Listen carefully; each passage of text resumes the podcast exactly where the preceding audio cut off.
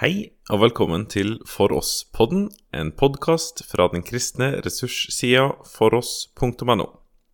Denne episoden er et opptak av et seminar fra For oss-konferansen 2019 av Jakob Appell med overskrifta 'Å møte hele mennesket'. Att möta hela människan, eh, kanske måste få, få börja med att säga att det här är inte så att jag är någon expert på detta område. Jag mötte en gång en präst som sa att han eh, borde egentligen vara utbildad psykolog, utbildad psykeplayer och utbildad teolog för att kunna handskas med människor i den här världen. Eh, och eh, jag är bara, bara teolog. Men, men ämnet intresserar mig. Vi är mer än bara huvuden, vi är mer än bara rationella varelser, vi är hela människor. Och jag har eh, under mina 10-12 år som präst i menighet eh, tänkt på de här frågorna och många gånger också försökt att hantera det i församlingsliv och på andra ställen. Så det är mina reflektioner utifrån det här som jag vill börja med och så hoppas jag att det kan bli ett, ett gott samtal, dialog eh, mot slutet. Eh, vi ber. Treenige Gud, du har skapat oss till din avbild, till att vara dig lika. Du har skapat oss sådana vi är. Så som du önskar att vi skulle vara, ande, själ och kropp med allt vad vi är och har. Och även om synden har förstört och, och eh, skadat och, och på olika sätt gjort oss blinda för din goda vilja med våra liv, våra kroppar, allt vad vi är, så har inte din goda tanke för oss gått mist. I Jesus Kristus har du återlöst oss, frälst oss till det eviga livet i din gemenskap, till kroppens uppståndelse, till den nya skapelsen, där rättfärdighet bor. Och vi ber dig att du skulle ge din gode heliga Ande till stöd och hjälp, till förnyelse, till att se det livet som du har återlöst oss till, som det verkliga livet, som redan här och nu får ta sin gestalt i all skröplighet och sjukdom och ohälsa och problem och synd och nöd. Vi ber dig att själv upprätthålla ditt liv i oss. I Jesu Kristi namn. Amen. Det slog mig när jag bara igår i rubriken om möt, att möta hela människan. Vem är det som är subjekt här? Är det jag som ska möta hela människan eller möjligtvis vi som ska sitta här och tala om hur vi ska möta människan som hon är? Eller är det någon annan som kanske ska möta mig? Så att det är vi som är objekten och så tänker vi på någon annan som borde se oss som hela människor. Men så tänkte jag, är det Gud som är subjektet? Och vi alla är människorna som Gud möter så som vi är. Och kanske finns det något som är sant i alla tre. Om vi börjar där i det sista, Gud möter hela människan, så har vi fått ett väldigt fint exempel på detta i det att Jesus, sann människa, mötte människor. Och han hade ju en, en väldigt vid syn på det mänskliga livet, märker man i det han gör och ger till människor. Så till exempel när han tog de späda barnen upp i famnen och välsignade dem, så kom ju lärjungarna och försökte stoppa det och tänkte det här är ju waste of time de kan ingenting. Och här är ju massor med människor som behöver undervisning om Guds rike. Du borde predika. Och att du sitter där med de späda i, famnen och, och välsignar. What's the point? Jesus. Ja, vad är meningen med det? Det kanske vi skulle fråga Jesus. Eller är vi mer som lärjungarna som tänker att det här är det viktigaste, eller det enda nödvändiga. Men varför sitter han då där med barn i famnen och håller handen på dem och välsignar dem. Eller eh, bröllopet i Kana. Det står att Jesus gjorde sitt första tecken där och det är ett tecken det pekar mot något annat så det finns en slags symbolisk poäng med det här tecknet, det här underverket. Men likväl var det ett bröllop. Två personer som var nygifta. Och det är en riktigt dålig start på äktenskapet här. Alltså krisen med vinet till slut och allt det här. Och Marias nöd. De har inget vin. Hon ser nöden. Ser människan. Eller hon ser människorna här. Två människor som har blivit ett kött. Så vi, han ser oss inte bara som, som individer utan i vissa fall också som två som har blivit ett. Och så gör han något där för dem i den situationen som blev till en nystart och en, en liten räddning där i deras misslyckade. Därför att äktenskapet är en del av Guds plan för detta livet, för oss människor. Och Gud har en god vilja och tanke för detta. Eller alla de människor som var besatta av demoner. Det är kanske lite främmande för oss, men det är en sida av det mänskliga där den onda andemakten plågar, stör. Det ser Jesus. Och så står det om en man. Hur uttrycktes det? Eh, på, på, på, han kom... Nej, jag tappar bort den detaljen. Vi släpper det. Eh, eller när han hade predikat en hel dag för 5000 människor. Och så var det sent. Ge ni dem att äta.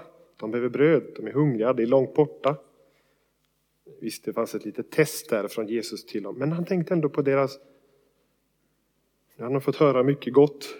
Det fanns också en, en sida som handlar om bröd, mättnad, basala behov. Kanske det bästa exemplet på att Jesus ser en hel människa är när Jesus botade eller helbrakte de eh, spidalske. Visst, de fick tillbaka kroppsdelar. Ni kan ju bara föreställa er vad det är att bli helbrakt. Jag får tillbaka ett finger här eller en näsa som kommer, kommer ut igen. Vilken lycka! Men det fanns ju så många fler dimensioner i det här. Det står att Jesus rörde vid spidalske. Och det var det man inte kunde göra. De fick ropa oren, oren här så att ingen kom för nära. Och allra minst rörde vid dem, för då blev de själva orena. Men Jesus rörde vid dem. Och ni vet utvecklingspsykologi och liknande att beröring är barn som inte får beröring. Man utvecklar en slags dysfunktionalitet. Jag har sett det med egna ögon på barnhem i Ukraina. Eh, vad avsaknad eller mangel på beröring gör med ett barn. Eh, eller psykosocialt. Ni vet att så fort någon visade sig ha spidalske så, så blev alla familj och släkt och, och by väldigt oroliga och stötte ut de här. Och vad det gjorde på ett relationellt, socialt plan kan vi bara föreställa oss. Fast det kanske ändå inte var det tyngsta, utan det tyngsta var ju detta att har du fått spidalske, eller vad det heter, så var det tecken på Guds förbannelse. Och gå runt med den där andra människors blickar på att där är en som är förbannad, utstött från Gud, slagen av Gud. Det är mitt liv från här och nu. Och jag ser inget hopp om att det ska bli en förändring. Så du har liksom en kroppslig, du har en Eh, psykologisk, en relationell, social, andlig situation där Jesus genom att röra, tala, handla, ge ser till alla sidor av deras mänskliga nöd och situation. Så att när han helbrakte dem så fick de tillbaka alltihop. Eh, och gladdes förstås över alltihop. Så vi märker att här är Jesus som ett föredöme också för oss väldigt generös i sitt, i sitt bemötande av människor. Det är inte så att han blundar för vissa saker för att det här är så viktigt eller det här är viktigt. Det står på ett ställe att han gjorde gott mot alla. Punkt. så är det ungefär som en förälder som ger och ger, ger långt mer än barnen behöver och frågar efter tålmodigt. Och så vet man det att det finns med det jag ger också en risk att barnet ändå till slut förkastar, drar, lämnar. Men jag gör det ändå. Och så måste det ha varit för Jesus. Han gjorde gott mot alla. Och så kan han säga till de, ni, de nio spedalske när han hade botat tio. Eller han sa till den tionde, var är de nio?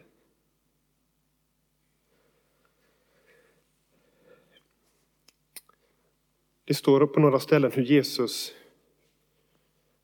han gick runt och så förbarmade han sig för att han såg någon som ropade, som hade någon, någon form av bekymmer. Han såg eh, änkan i Nain. Förbarmade han sig över den döde som var död eller änkan som hade förlorat sitt barn? Ja, kanske både och, men, men han såg nöden som hon, som änka, som ensam, så utlämnad åt sig själv. Så kunde han där, det var tre gånger som Jesus uppväcker någon från de döda, men där så såg han, hon måste ha det otroligt tufft och svårt som änka. Och så gjorde han, liksom, inte ett undantag, men ni förstår vad jag menar.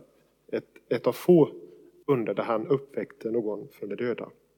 Så jag kan tänka så här att ser jag nöden, på vilket plan det än är, så driver Jesus sinnet till att se den, till att förbarma sig. Men hur han förbarmar sig, hur jag förbarmar mig, är inte alltid så självklart hur det ser ut. Och jag ska ge två exempel från Jesus. Det står på flera ställen att Jesus drog sig undan folkskarorna. Nu är det tid att inte bota. Ja, men det är ju tusentals här. Nej, nu träder jag tillbaka. Och detta är något som, som eh, Toril har varit inne på det här att jag behöver vara hos min fader i bön. Det finns också gränser för vad jag ska ge och vad jag kan ge. Där denna umgänge med Gud är ett sätt att se vad är min kallelse? Var är min gräns? Vad kan jag? jag kan inte rädda hela världen, eller han kan. Men han gör det ju inte genom att ja, det var en kort tid som han vandrade runt i Israel. Och varför bara för dem där och då? Ehm, det finns en gräns för, för vad vi kan och ska göra och vi behöver i mötet med Gud se vad som är vår uppgift.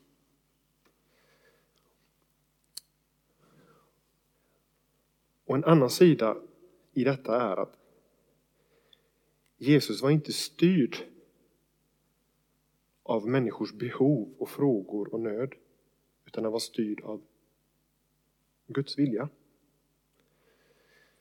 Så ena dagen kunde han säga, här är bröd till 5000, ät, bli mätta. Så nästa dag kommer de, har du mer bröd? Och då har han inte bröd. Eller ska vi säga så här, han hade ännu bättre bröd. Så han talar om sig själv. Jag är livets bröd, den som äter av det ska aldrig mer bli hungrig. Eller, det här var, den här, ni blir inte mätt, eller ni blir inte hungriga igen. Och hur slutar det? Det är vi inte intresserade av. Så att Jesus får vända sig till de sista tolv. Vill ni gå bort? Och på Petrus svarar, Herre till vem skulle vi gå? Du har det eviga livets ord. Det har du. Och det betyder mer än allt annat. Just det. Det vittnar också om att vi kan inte bara ensidigt tänka jag ska göra det som människor förväntar eller frågar eller kräver. Ena dagen ger jag bröd som de frågar efter. Andra dagen inte. Det här är förstås en, liksom en, en svår avvägning. Jag vet inte, jag har många gånger tänkt på, på EU-migranterna som tigger på, våra gator säkert i, i Oslo också. Det är en svår sak att komma som präst och se och inte lägga pengar i koppen. Som de vill, som de önskar. Nu, det här är en stor fråga så jag kanske inte ska tassa in för mycket på det här. Men jag, jag vet att det som många av de här människorna mer än allt behöver är ju ett, ett drägligare liv där de bor, där de kommer ifrån, deras hem. Så att mitt engagemang och mina pengar och min tid och min kraft skulle jag egentligen lägga på det som kunde göra det. Än att lägga pengar i varje kopp. Men om jag skulle säga det till någon, jag gör det här och det här. Det är inte, inte jag, det är inte jag intresserad utav. Jag vill att du lägger en peng i min kopp. Så hamnar man i en konflikt. Det här är vad frågan gäller. Det här är vad jag ser. Och ibland är det det mest kärleksfulla. Inte att ge det som efterfrågas, utan att ge det som behövs. Bröd ena dagen, livets bröd den andra.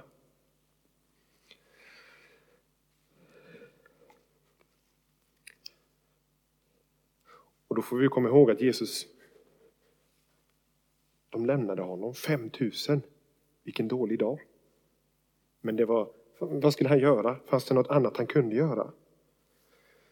Så vi ska inte mäta heller värdet i det vi är kallade till att göra i resultatet eller hur många applåder eller likes vi får utan ibland måste vi stå där med Jesus och sörja över att det vi gör inte tas emot som med honom. Men detta med att Jesus vänder sig till de sista tolv inte vill väl också ni gå? Nej, hur skulle vi kunna? Var skulle vi gå? Du har det eviga livets ord. Så finns här också denna viktiga angelägenhet från Jesus själv. Han gjorde gott mot alla, generöst, alla sorters problem. Psykiskt, socialt, kroppsligt. Men vad hjälper en människa om hon vinner allt detta, hela världen, men förlorar sin själ? Så finns det ändå en slags angelägenhet från Jesus att få fatt på det också. Vinn gärna hela världen men förlora för allt i världen, inte din själ. Så var är de nio spedalske? Och vad är det den tionde ser? Jag har fått livet tillbaka. Men vad är viktigare än livet? Om inte livets källa, livets herre, livets givare. Det står i Psaltaren, nåd är bättre än liv. Guds nåd, Gud är bättre än liv. Därför att med Gud finns både nåd och liv. Och så ligger det denna smärta i de orden. Var är de nio? Om tio år kanske de har spedalske igen. Om fem år kanske någon är död. Men det var där, alltihop. Du såg det, nummer tio. Har Jesus makt att göra det som vi önskar? Bota en sjuk? Absolut. Genom ett ord så skapar han allt som, som är till. Men har Gud makt att göra så att jag önskar det Gud önskar?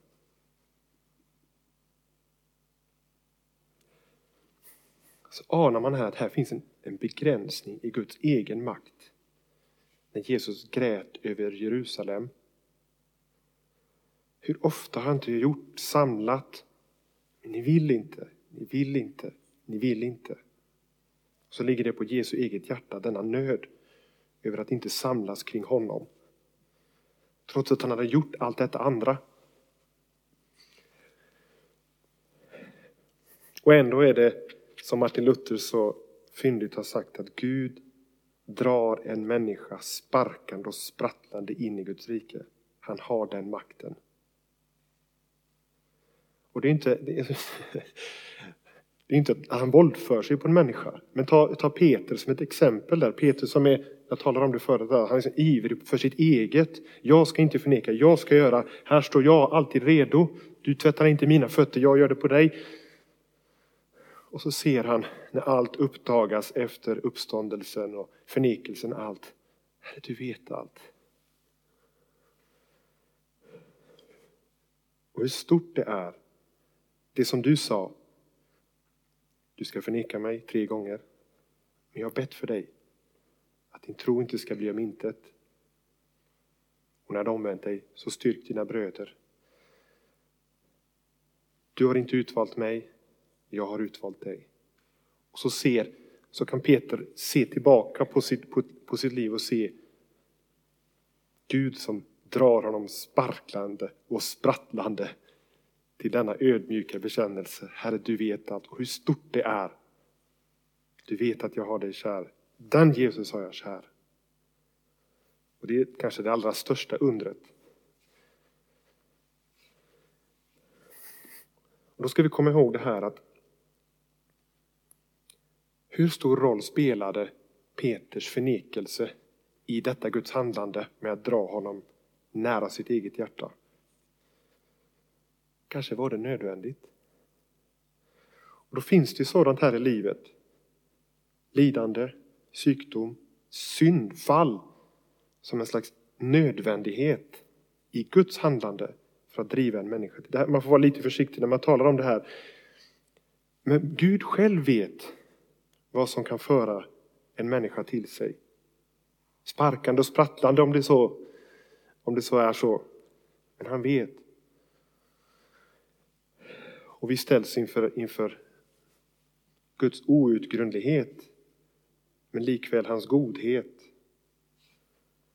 Och det är inte vår uppgift att, att veta vad som är bäst för en människa. Så när vi talar om hela människan så kommer vi också till en gräns där vi inte vet vad som är bäst för en människa. Men Gud vet. Men det kan vi i alla fall säga att genom dopet, såg jag dopfunten där, så blir ändå en människa upptagen i Guds fall. En ny skapelse står det. Och denna nyskapelse, den är som en liten blomknopp. Säger man så på norsk? Blomknopp. Den kommer att attackeras av synd, av sjukdom, av problem, lidande, alla typer. Men den får sin näring genom Guds ord, genom nattvarden. Allt det som Gud har gett oss genom sin kyrka. För att den inte ska vissna utan den ska behållas och vid uppst kroppens uppståndelse. För det ska vi komma ihåg, det hör till frälsningen att våra kroppar ska uppstå ännu mer mänskliga, ännu mer människor än vad vi någonsin har varit. Jag har ibland liksom funderat över det här. Kommer jag känna igen mig själv utan synden och förgängligheten och alla onda krafter som rör sig i min egen kropp? Men det är målet. Och det har jag fått som en gåva redan här i dopet. Och så ger Gud Guds ord och nattvarden som näring för denna lilla knopp. Så att jag själv ska få se knoppen blomma ut. Eller som Jobb säger, med denna min sargade hud, ni, ni, ni ser framför er Jobb som har förlorat allt och kroppen är ett enda vrak. Med mina egna ögon ska jag få se min förlossare. Och jag längtar efter det. Och jag tror att han säger det i en... Det, blir, det kommer inte bli bättre än det elände som jag nu ser i mitt liv. Fast sen blev det bättre, också rent jordiskt. Men hans hopp var förankrat i kroppens uppståndelse, Guds frälsning, återlösarens seger för honom och till honom. Okej. Okay. Eh, några tillämpningar in i menighetsliv och i, i våra egna möten med människor. Det är väl kanske så här att, att man i gemenskap med andra kristna och i menigheten ibland känner att det är väldigt andligt här, men det är inte särskilt mänskligt eller, eller medmänskligt. Man, man ser inte hela människan. Alltså de här dimensionerna som jag är ett exempel på. Det, det, liksom, man manglar det.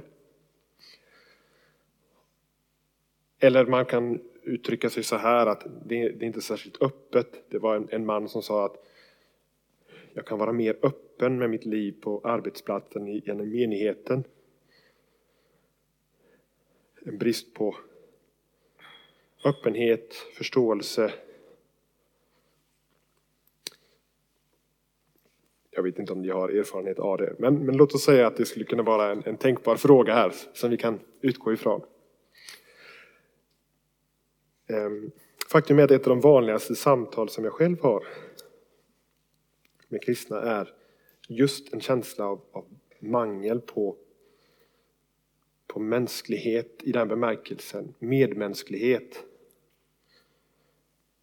Jag blir inte sedd, jag får inte vara med, ingen bryr sig om mig, eller andra bryr sig inte om något överhuvudtaget. Alltså alla typer av saker som, som man kan känna att här är det en brist, en mangel.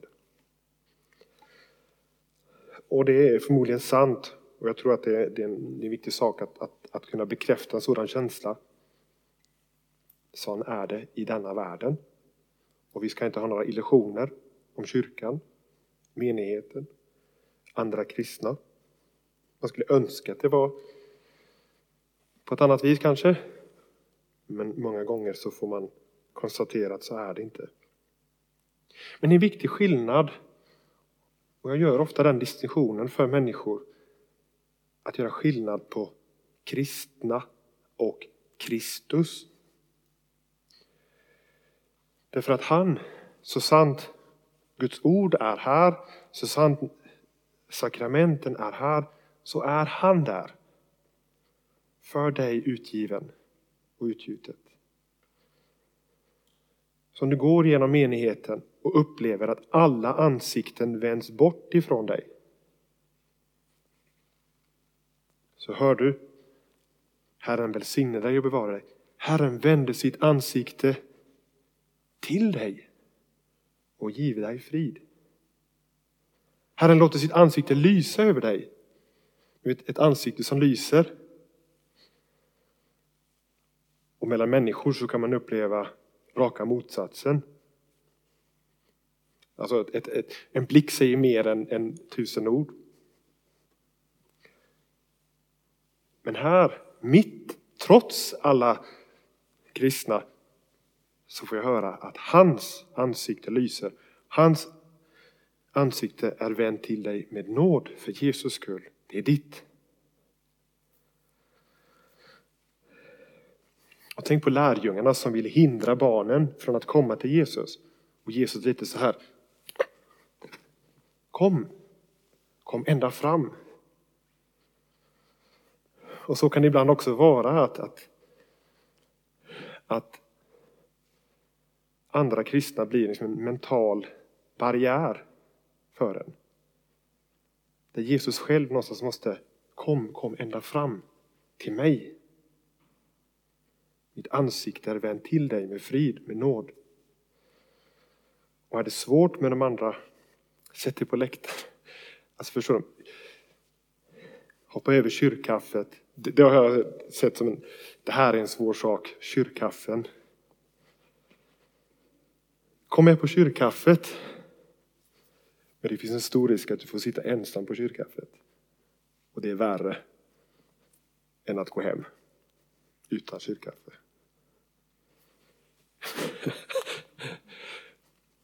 Det finns inga enkla svar på det, hur, man ändrar, ändrar på det. Men eh, eh, Men när man hjälper också människor att, att se skillnaden här mellan Kristus och kristna så kan man också förmedla denna saken att han ser dig, han möter dig, han ger sig själv helt och hållet till dig fullkomligt. Kristi kropp för dig utgiven. Kristi blod för dig utgivet. Kan det bli mer? Så kan man vända på det.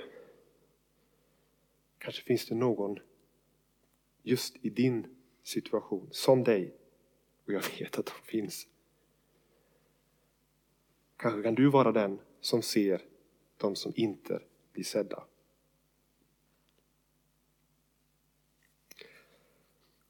Att denna erfarenhet kan vända sig något gott. En förändring som, som gör att, okej, okay, det, det kanske, jag kan inte förändra på alla dessa andra, men jag kan vara till hjälp för dessa som jag ser.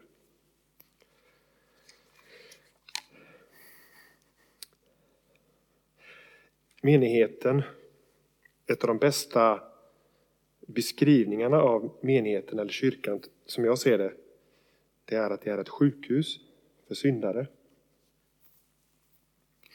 Så att våran förväntan eller vår förhoppning, den är på läkaren och inte på de sjuka. Men så sant läkaren är där så finns det också hopp om att någon sjuk ibland lyfter sin hand till hjälp för någon annan sjuk. Men då är min förhoppning och min förväntan och min borg på läkaren och hans verk att omvända, nyskapa, förändra. Eh, och så länge han är där så finns det ju hopp för de andra, för dig och för hela gemenskapen. Och om jag får utveckla detta lite mer. Eh, Joel Bierman var inne lite grann på det här att kyrkan behöver ta ett ännu större ansvar för, för eh, eh, det som är lagens område. Hur är du förälder? Hur har du ett äktenskap? Sexualitet? Hur tar du hand om pengar? Mer lag. Och eh, jag håller i, i princip med honom. Jag hade en jättefin gäst från Finland, eh, Dina Fagerholm, till att tala om kropp, sexualitet, relationer för vår ungdomsgrupp. Jättefint, ett jättefint kvällspass som hjälpte ungdomarna till att sätta ord på, på de här sakerna. För har vi inte ordspråk för det så kommer någon andra att ge det åt dem. De kommer fortfarande känna allt som de känner. Men får man tala in i det och att de känner att ja men här, så här är det ju. Och så kommer Guds ord och ledning in i det hela. Så talar det till vägledning och till hjälp. Och vi behöver ge varandra mycket vägledning och och på det viset lag in i vår, i vår tid. Men, här kommer mitt lilla men. Även om det finns ett jättestort behov av vägledning och lag så får vi inte tappa bort denna vår viktiga självförståelse som kyrka. Att det här är sjukhus för syndare. Här är det inte så att mer lag, mer information gör att vi går från klarhet till klarhet. Nu fixar jag det här, nu klarar jag det här. Do your best and God will do the rest. Och så till slut så är du uppe på 95 procent. För det gör något med hela självförståelsen. Och mest gör det för de som halkar efter och som i egna ögon fortfarande är kvar på 25 procent i gemenskapen med de som är på 90-95 procent. Så därför så får kyrkan aldrig förlora sitt fokus på att här är det evangelium som blir predikat och förmedlat på alla sätt och vis. Och vi predikar som om alla kände som Paulus, jag är den största av syndare, även om ingen gör det. Alltså känner så. För det här hör till hur vi ser hela människan. Om jag predikar att det finns ingen fördömelse för de som är i Kristus. Människor må fördöma det, men det finns ingen fördömelse för de som är. Så skapar du också en trygg yta, en, en, en trygg liksom liten plats att stå på med allt det som jag är och bär på.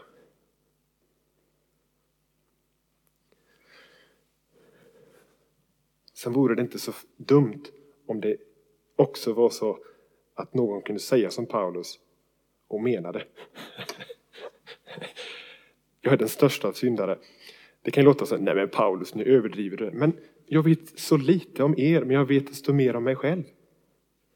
Så av vad jag vet om dig så kan jag absolut säga att jag är den största syndaren av oss två, utan att överdriva. Och sen vad Gud vet det är en helt annan sak. Men har jag den utgångspunkten så att här är jag. Predika evangeliet för mig. Jag behöver det mer än någon annan. Fast jag tror att du behöver det också. Ja, vi behöver det alla. Predika som att det fanns inte bara en massa andra, nu, nu talar jag som predikant själv, men, men, men jag tror ni förstår. Tänk på allt som människor som sliter med i det fördolda. Alla beroenden, missbruk, vredesutbrott, depressioner, svåra barn, äktenskapsproblem, det man skäms för. Alla har vi något av det på ett eller annat sätt. Och låt oss inte låtsas om något annat. Det är inte så att jag måste tala om det till alla högt, högt från predikstolen. Men när jag predikar evangeliet så är det som att detta är vår verklighet allihop. Och när det också är min erfarenhet. Jag är den största av syndaren. Detta är min plåga, min skam, min nöd. Så blir jag inte så besvärad av vad som andra skulle kunna ha och bära på och skämmas för. Det är oftast det som är problemet. Jag backar istället för att ta ett steg fram. Istället för att lyssna färdigt så gör jag något annat. Och så känner den andra, här blir man inte lyssnad på eller sedd eller mött hela jag som den jag är. Och eh, jag hade några ord om detta i, i första passet här om om Paulus, hans egen resa före omvändelsen enligt den rättfärdighet som finns av lagen oklanderlig. Ni hittar inget. Liksom, fas fasaden är intakt. Men nu, efter omvändelsen, efter dopet, när gamla jag är död och begraven med Kristus.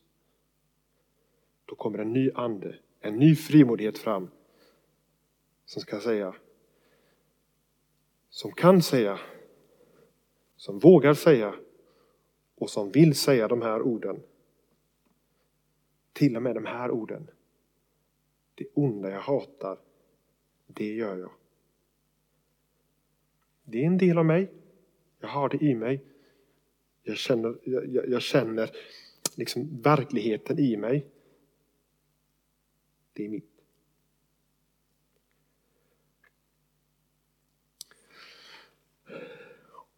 Och när jag kan på något sätt se att Gud omfamnar mig med den jag är.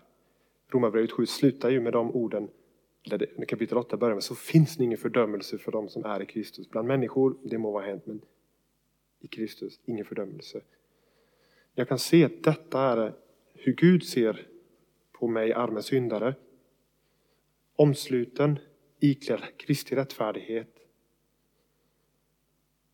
Både och. Simul justus et peccator på latin. Alltså samtidigt syndare och rättfärdigt. Då kan jag också lyfta blicken och se de andra som samtidigt syndare och rättfärdiga i Kristus. Jag behöver inte bli besvärad av att där kommer David in. Och vad har han gjort? Han har förfört. Han har, ligger bakom ett mord. Eller jag ser Peter. Vad har han gjort? Han har förnekat, avsagt sin tro. Jag ser Paulus. Vad har han gjort? Han är värsta terroristen som har gillat när de dödade vår vän Stefanus. Eller synderskan vid Jesu fötter. Vad har hon gjort? Vet inte Jesus vad hon har gjort? Det kunde varit jag. Jag har det i mig.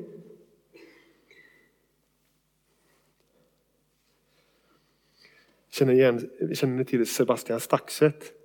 Han har blivit en kändispredikant i, i Sverige. Han, han åker runt i hela landet och har jättestora väckelsemöten. Tusentals som kommer för att få lyssna på Sebastian Staxet. Och det är inte för att han är en kändis. Att han har varit i en populär rockgrupp eller vad heter det, rapgrupp. Det är för att han är en kriminell person. Drogmissbrukare som hade alla problem man kan ha. Och så kommer de och hör, han talar om ett hopp som finns, inte i honom själv, men i Kristus. Och så säger de, han är en av oss, eller vi är en. Finns det hopp för honom så kanske det finns för oss. Och det, är, det är väldigt talande i det här att han, det är ju, alla vet om det. Och så kommer de, kanske finns det. Det finns så många som bär på denna längtan efter att säga, jag har det till och med ännu värre än vad Sebastian Staxet har haft det. Och när han kommer och talar om det hopp som är i Kristus, då kanske jag vill tro det. Jag ska ta något litet steg. Sen är det ofta väldigt lång väg in som en plats här i denna fina kyrksal. Men, men i alla fall, förmedla det hoppet. Till sist bara några praktiska råd. Man, man kan känna lite så här att menigheten, man kan inte välja sin menighet, man får sin menighet och så får man ta dem för vad de är. Så som de får ta mig för, jag, för hur jag är. Men det kan ju finnas ändå en längtan efter att vidga perspektivet till att se hela människan. Och så det här. Och istället för att tänka här att alla ska med, så kanske man får börja så här.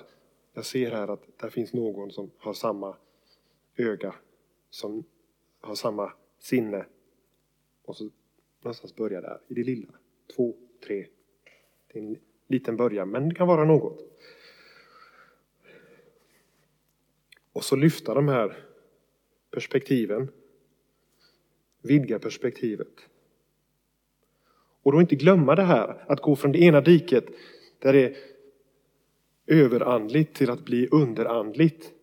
Och eftersom det blivit så missförstådd och så under... Eh, alltså, så, du manglar så mycket mänsklighet så går vi nu till bara mänsklighet. Så nu ska vi bara... Nej men låt, låt det vara både också. Låt oss fortfarande hålla fast ord, sakrament, bön, gudstjänst. Och så vidga det. Hur mår du? Och lyssna tills det har talats till punkt och inte backa. Man ser det. Och det finns något eh, koncept i Sverige som heter helhet genom Kristus som är en slags förbönstjänst som fungerar ungefär så här. Det är en man och en kvinna som fungerar samtalsstöd, som, som ett slags samtalsstöd. Och så kommer man in och så får man ja, säga vad man har på sitt hjärta. Och så kan de två det är inte kanske för vem som helst, när som helst att göra detta, utan det här är något som man tränas för och, och går in i. Men jag, jag, tar det här bara som ett exempel på att ta små steg för att ändå göra en liten skillnad på detta området. Så lyssnar de två. Och till en början är det då bara tänkt som en slags förbönstjänst. Man lyfter fram det som man bär på och så ber man för den, den enskilde. Liksom lyfter av bördan. Nu har du delat bördan med oss. Nu kastar vi den på Herren. Och det, vi, vi hjälps åt här. Och har man då en viss vishet och insikt så märker man här finns ett djupt sår. Detta behöver du få läkt eller det här behöver du få hjälp med. Så, så kan man liksom säga att detta är något. Så hör man och så märker man här, här finns faktiskt en synd som, som tynger dig. Som ligger där som ett... Och så finns eh, i vår tradition detta med, med bikten, att kunna få säga inför en annan människa. Kastaden. Skriftemål. Tack. Och, och för de som, som har erfarenhet av det vet att det är en väldig välsignelse i det här. Att få verbalisera det. Det är som att något lämnar hela kroppen när, jag, när det lämnar munnen. Och så är det Gud som har örat där på, på prästen eller, eller vem det är. Så märker man att här finns det kroppslig svaghet. Så har vi de här orden om att smörja med olja. Det behöver inte vara något stort spektakel bara. Och vem vet hur mycket som rör sig i kroppen som är sjukt. Eh, jag kan bara nämna detta med, med demoner. Jag, jag, har ingen erfarenhet av det själv. Men jag har hört från, från andra präster att, att det här tycks vara något som kommer tillbaka in i västvärlden. Så man får ha också en viss beredskap på att det kan finnas en sån sida av det mänskliga som är under attack. Jag bara nämner det. Sen finns det ju bekymmer där man som, som medkristen känner det här, jag vet inte vad jag ska säga. Eller jag, jag, jag, jag har ingen, jag har ingen, det här är inte min expertis eller vad det nu är. Psykisk ohälsa eller, eller olika typer av beroenden. Där man bara får säga, ja, ja, jag kan bara lyssna och kasta det på Herren. Fast kanske finns det hjälp som jag kan peka på. Fast jag har det inte. Och jag menar att här är det också en, en viktig sak att som, som menighet inte ta för stort ansvar för alla. Tänk, vi måste inte bli experter på brödutgivning och terapi och beroenden utan kunna säga eh, vi kastar det på Herren. Det kan vi göra. Sen finns det annan hjälp att få oss vidare. Men eh, nu ser jag att min tid har gått ut. Jag lovar ändå att vara lite, lite tid till, till samtal. Eh, men jag ger det bara som ett lite konkret exempel på att här går det att göra små saker som ändå gör en liten skillnad för hur människor upplever detta. Att bli mött som hel människa och inte bara som en överandlig. Det var ju tänkt att, att seminariet också skulle öppna upp för, samtal här. Så vi får väl se. Du får säga när, när det är dags att, sluta. Ja. Det, vad som helst, det, det behöver inte vara någon, något... Eh, det kan ju vara till varandra också här, det behöver inte vara till mig. Ja, ja men det, det, jag tror att det är den tidsandan Eh, förlamar. Och, och när vi har det så enormt välfärdssamhälle så är det ju på, på, på ett väldigt konkret plan. Jag klarar mig gott själv. Fast ändå inte. Och det är detta ändå inte som också är viktigt att, att få fatt på. Jag är själv inför Gud som en tiggare. Jag har ingenting i mig själv om inte du, Gud ger det. Och det, det liksom blir min verklighet, min, min, min identitet. Någon har sagt så här att mission det är en tiggare som talar om för en annan tiggare var brödet finns. Och, och kanske att, att, att äh, apropå detta med, med äh, tidsandan. Ni vet församlingen i Laodikeia. Jesus talar från vad är, vad är problemet med den här kristna församlingen? Du säger, jag är rik. Behöver, jag manglar inget. Och du ser inte, vad då? Att du är fattig, blind, naken. Sån är inför Gud. Som i Gud har din rikedom. Som i Gud har din klädnad. Som i Gud har din syn. Nej, du ser. Du är rik. Du har. Och att det där är en slags andlig sjukdom. Kan man säga. Som gör också att vi, vi då blir vi också i vår tjänste och i, och i vårt bemötande av andra, vi blir självupptagna och hjälper vi andra så gör vi det för att hjälpa oss själva. Och så vidare. Eh, men när man väl ändå får, får upp ögonen för vem man är inför Gud så har ju också Gud gett också särskilda gåvor och förmågor och egenskaper som ändå är en viktig sak där med lemmarna i kroppen. Att jag, jag, kan se på människor också i min egen menighet. Där finns de som, som har ett, ett barmhärtigt sinne. Som, har, som kan lyssna tre gånger så länge som jag på en och samma person. Eh, och det där lyfta fram det och se det. Eh, så värdefullt med detta öra. Eller, ja, ni förstår själva. Peter är ju min, min favorit i Bibeln. Men det är också det här att det är en lång vandring med honom. Jesus med honom och sen så på något sätt ser man också hur växten blir. Innan fallet så säger Jesus de orden till Peter. När du har omvänt dig så styrk dina bröder. Och ni vet att det här är före förnekelsen och sen efteråt. Det är väl snarast Jesus som omvänder Petrus när han kommer där och börjar fråga. Och får honom då till att ödmjuka sig. Oh, tredje gången. Ja, oh, jag har. Ja. Men då, okej. Okay. Styrk dina bröder. Då skulle gamle Peter säga, men vad då? Jag har ingenting, jag är ett misslyckande, jag har, jag har förnekat dig, ingen följer en sån. Men vem har sagt att du ska styrka dina bröder och systrar, oss som läser om det här, med dig själv. Vad är din styrka nu? Och det är ju han som står där. Jag har inget i mig själv, jag är en tiggare. Men du, du gör den stora skillnaden. Och Pet, det är väl visst är det Peter och Johannes som säger det här till, till någon tiggare där i Apostlagärningarna. Jag har inte guld eller silver, så då ger jag inte det heller. Men det jag har, det har jag. Och det ger jag dig. Okej, nu var det ett, ett, ett helande under i och för sig. Det, det kanske man, men, men, men vi har fått något. Vi har fått Kristus själv och allt det som han har lovat och gett åt oss. Ja, men då ger vi det. Du har nu hört ett seminar ifrån For oss-konferansen 2019 av Jakob Appell. Finn flera resurser och var gärna med och stötta oss på foross.no.